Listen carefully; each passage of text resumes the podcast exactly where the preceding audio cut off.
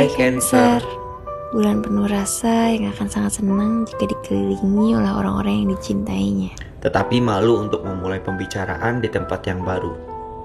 Banyak orang berkata aku orang yang cenderung sensitif. Mungkin karena aku yang selalu mengandalkan perasaan yang ada di hatiku ini.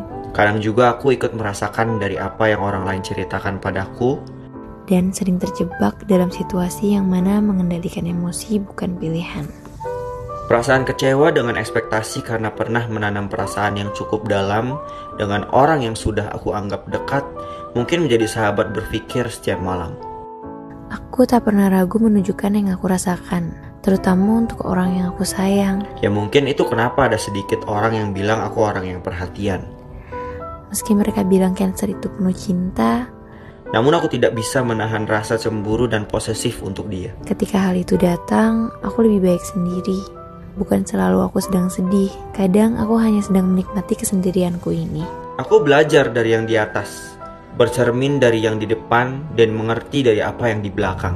Cancer bukan hitam ataupun putih, dia itu abu-abu. Tetapi tidak bermuka dua. Seperti kelahirannya di tengah tahun, Cancer, mencoba, mencoba untuk seimbang, walau ujungnya akan mengalah untuk orang yang dia sayang.